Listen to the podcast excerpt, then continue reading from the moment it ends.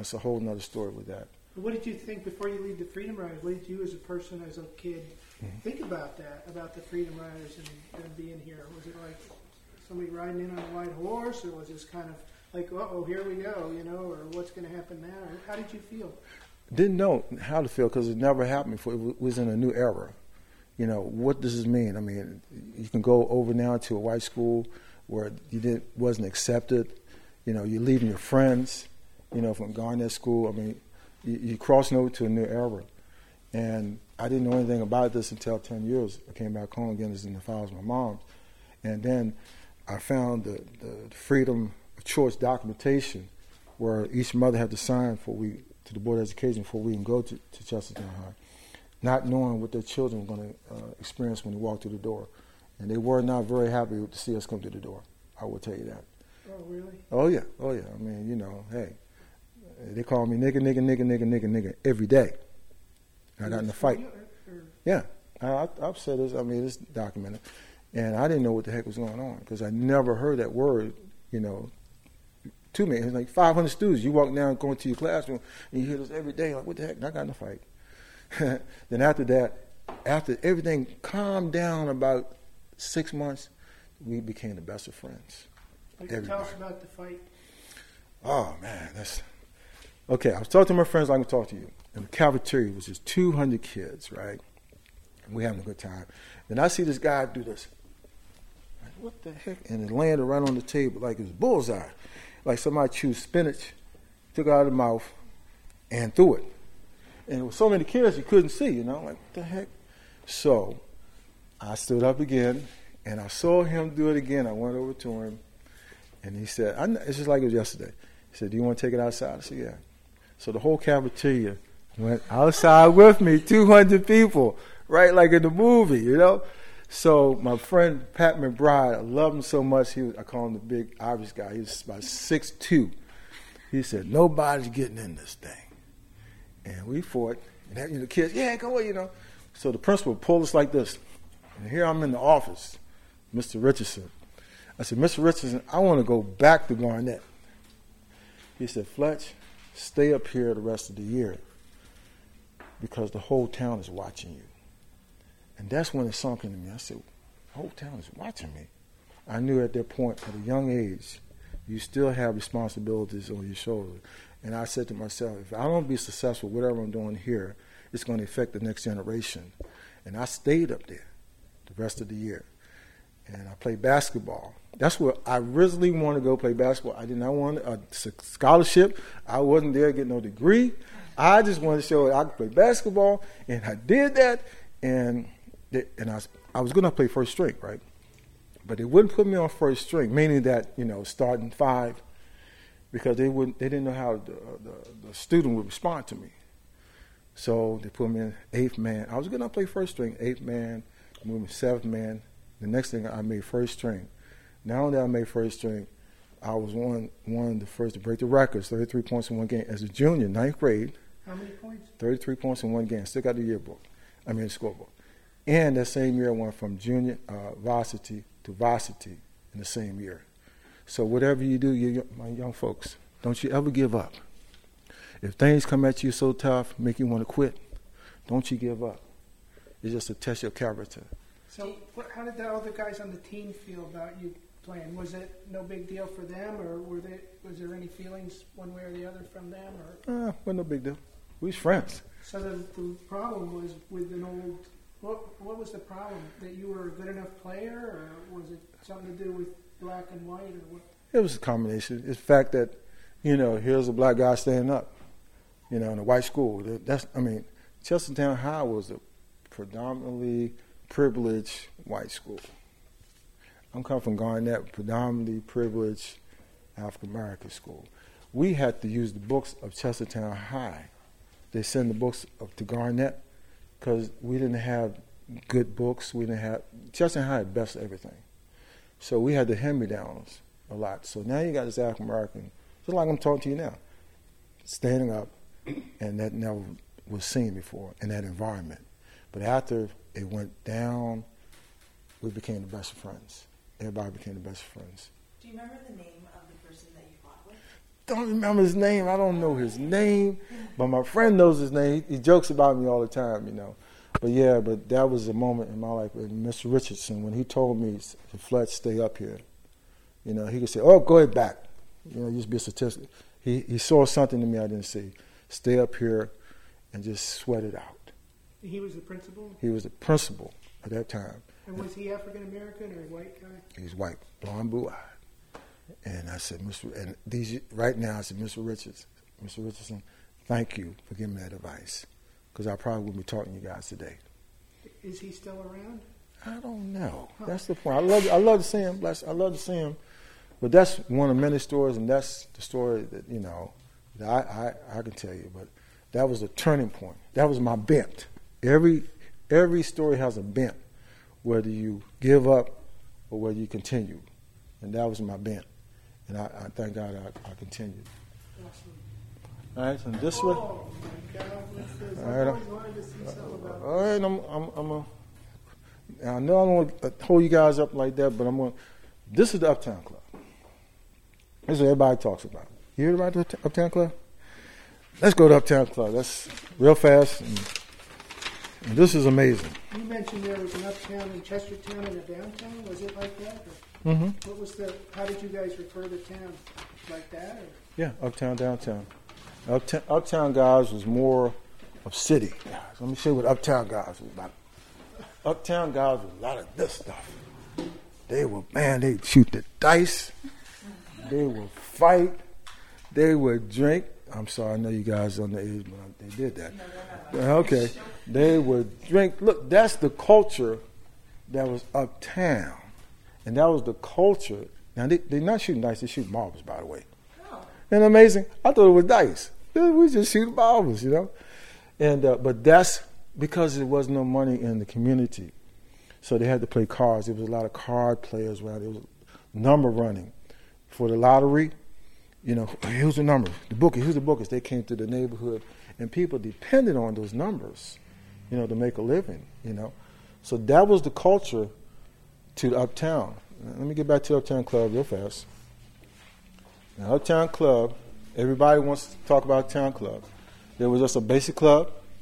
Uh, yeah, this here was the pool room.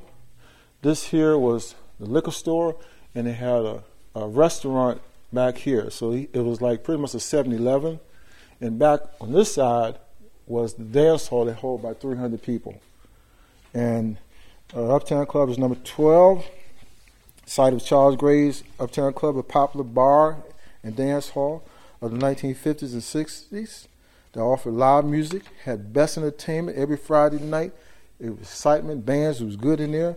Attracted visitors from all over the eastern and western shore. Among the performers brought to the town by the Uptown Club in their heyday, some of you guys don't know these guys, but I'll say it anyway. B.B. King, Fats Dominoes, James Brown. Anybody heard of James Brown? Hey, okay. He's the godfather of soul. That's it. That's the one. And he brought these guys, and when they had number one hit records, he brought them at the top of their, their career. This was amazing about this. Good God, y'all. That's it. Fitz- Etta James, Chuck Berry, uh, Chubby Checker, Ruth Brown, Little Richard, Otis Redding, Ray Charles, Wilson Pickett, Patti LaBelle, and local bands including Jazz Johnson and the Highlanders. They came in here to this club. Now, the, the floor didn't have no floor. It was sand dust. What? Yeah, it wasn't a floor there. A lot of people it's like, yeah, I want to get these guys. So you all these guys. It was just sand dust. It, it was packed so much because people dance. You couldn't tell the difference, but it held at least about 200 people. Now, this is what the most ingenious part of this. Whenever he, had these top entertainers, he couldn't put, he couldn't have a, a dance in this particular club. He had to rent out the armory and the army now, you're looking at when he had the the, the, the uh, dances on Fridays and Saturday night and pack them out, you got black folks all over the place. We stand all over the place. Twelve o'clock, and there was only three police officers in Chestertown at the time. It was a whole bunch of us everywhere. When he took the dancers down there to the uh, armory, you talking at least seven, eight hundred black people at one time on a Friday night, and so we up there fighting. We up there raising Cain, whatever. But the sight of that, would scare anybody off. And the reason why I believe we didn't uh, make too much of trouble because the army was smart. They had the National Guard down there, and they had the big tanks down there. And we said, if we make a mistake, they're going to turn them tanks on us. I'm serious, psychologically speaking. And that really kind of calmed a lot of things down, too. But yeah, so it was a beautiful thing that he can have those dancers, and then he could take them down to uh, the army, and people have a good old time all over from Western Maryland, Eastern Maryland, you name it. And it, it was just a, a, good social time. So, do you remember any particular performers, like being there for? Okay. Now, these guys here were for the older guys. The older crew was not going to, young people couldn't get into the JR because the older soldiers wouldn't allow us to get in there because that was their, their territory. Same thing with this here. But I did see Little Richard ride through Cannon Street in his bus, said, Little Richard. I said, man, there goes Little Richard, man. And it inspired me because I, I, got into the music industry for like 20 some years also. What do you mean? You were a musician? Or? Yeah, well, I went to Garnett and played the drums, and, and then, yeah, I was, a, I was a drummer. And I went to school and major, minor, excuse me, in percussion. Then I ended up in Los Angeles for like 16 years. And I got into some top acts out there and stuff like that. Playing music? Yeah. Producer. Yeah, did I did all that. So I lived my dream. See, all this is part of your dream. You need all this to make your dream. Who'd you play with? I played with, I don't know if you're familiar with Parliament Funkadelic. I don't know. I don't know if you're familiar with those guys. I was in that organization for a while, for about 12 months. His son. He was brought to us on the mothership. Really? Oh, man, Steve, this mother, is amazing. The mothership is her now. Okay, okay. and um, see, Joe Frazier, you know the boxer. Uh-huh. Joe, Joe Frazier, you know Joe. He had a band called Jumpin' Joe. Uh, Smoking Joe. Smoking Joe. Yeah. So I connected with him. When I went to college. I went to Norfolk State University, and down south I played for a lot of groups down there. Did uh, you play uh, soul music or? Yeah, soul, um, rock. I pretty much was at that point rock soul kind of thing, you know. Awesome. And there was one guy who left uh, uh Chestertown, who came out of Garnett named T. Cake Lively he played for a band called Wet Willie. I don't know if you're familiar with. Oh, I love Wet Willie. Yeah. Do you? Keep on smiling. Yeah, that's him, man. Yeah, yeah. He left Chestertown. They was, they was so poor. I'm saying that he couldn't afford drums. So you know the bass drum in the band, the Garnett School band, and the snare drum. We had to somebody had to sit on there and put, hold the drum while he beating the drums, and and the cymbal. Now he was on, t- well, he was on TV and all that, and I hung out with him a couple times. Then in the he's in the National Hall of Alabama because he's still playing with Wet Willie. So you know, it's amazing stories. A lot of people came out here. It's incredible. So music was a big influence in, in this community. And this picture here was donated by a lady who who uh, pretty much she worked for people down there on Water Street where you guys are, Custom House, as a servant, cook, or something like that. And that was pretty much where a lot of jobs came because a lot of people down waterfront didn't have cars. And she had a, a, a, a, friendship with this lady. She drew a picture of her. Mary Blake, who lived on Front Street during the 1950s, oil painting by Libby Kerr. And I think that's great because that's, that's the kind of relationship that we have in the community with one another, black and whites. What's her name? Um, Mary Blake. And this is what Street looked like. And this is, again, the, the barber shop. Oh, yeah, this right here. This, this is the house I live in. My grandfather got to fix it up a little bit. This right here is where Chestertown African American community first started. It's already documented in, in our map here. James A. Jones. And, and down on, on the waterfront is where it also uh, grew to. Uh, arisen for the African American community. Uh, let me see where I'm at. Where I'm at. I'm going to go with number nine. Uh, these are the business I talked about. Uh, number nine, for, for, much of the 20th century, the 300 block of Cannon Street was home of a variety of thriving black businesses, including Joe Lewis Corner Store, Charles Smith Restaurant, which is, if you go over uh, on Cannon Street today, there's a yellow building with a, uh, uh, a green top. The schoolhouses I talked to you about, those schoolhouses, one room schoolhouses, were the original Wharton schoolhouses on Cannon Street now. I didn't find out till last week. So they moved it from ni- 1930 from Wharton to Cannon Street.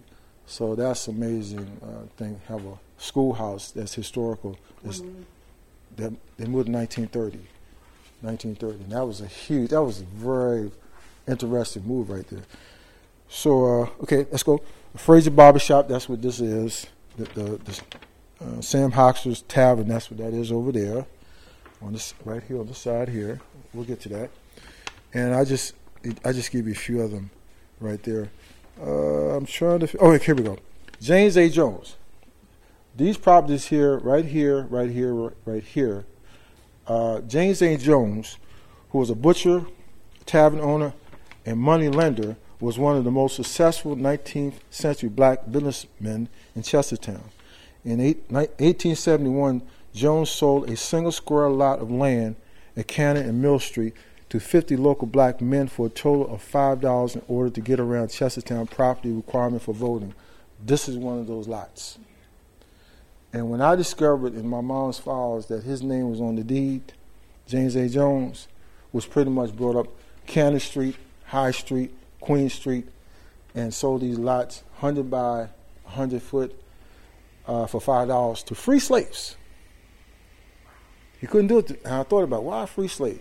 Because if he sold to the slaves, then the master's going to take the property back. It didn't make make sense. So what I'm saying to you, when I realized that I had the property with his name on it, that what I'm doing is exactly what I'm supposed to be doing. You know, continuing the torch.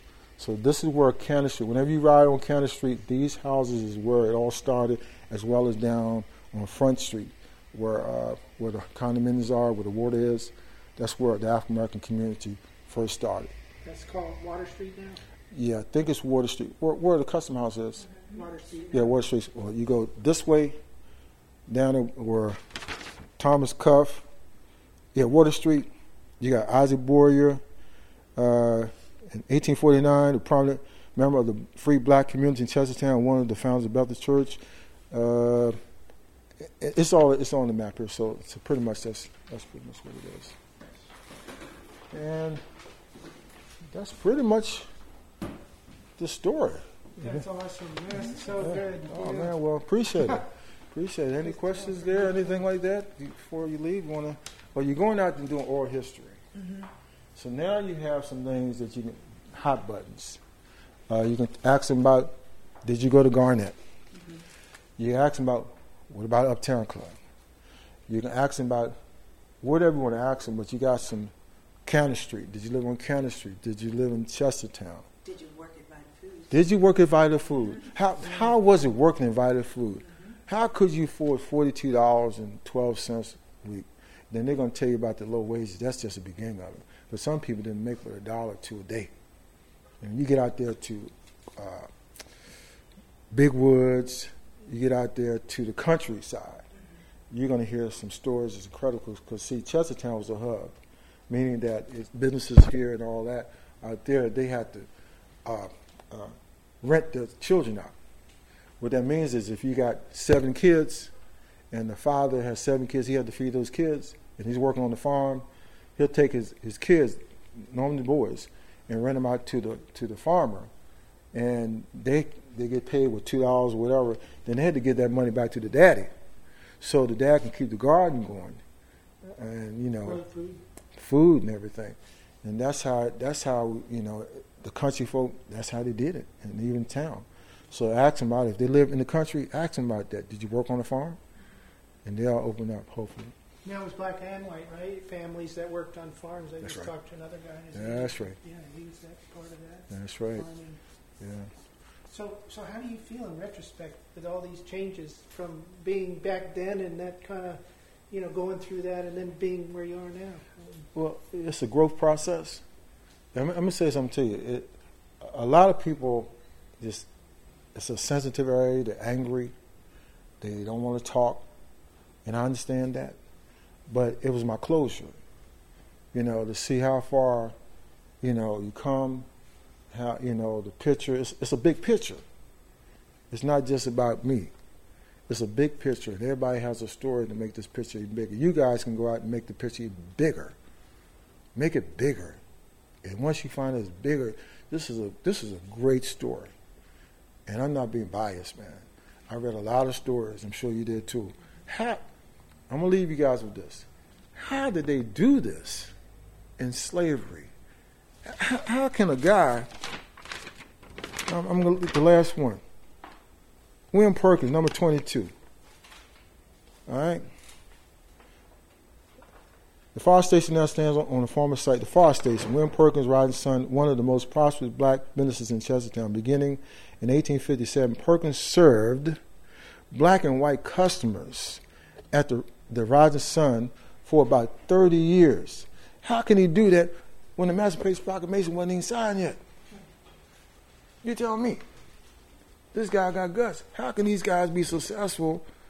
You know, James A. Jones, and you know, being a butcher, money lender, and the most successful 19th century black businessman in Chestertown in 1874. How do you do that? Where you got all the freedom now, and people's like, well, I can't do it today.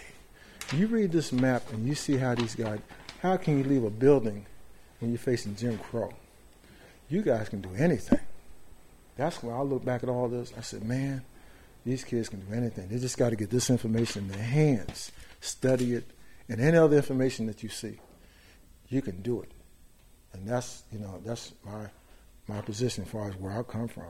I look back and say, oh man, that's why I don't mind telling this story. I'm going to continue to tell this story that I can. So it's a privilege to, t- to talk to you guys, and I hope you get inspired by it, and I hope you get something but get out there and get those those stories because they're out there and they need to be told. My story is just a snapshot. These stories are just a snapshot. And I believe you can do it. Yeah, thank you guys. Thank you guys. Oh, yeah, man, what a way to kick off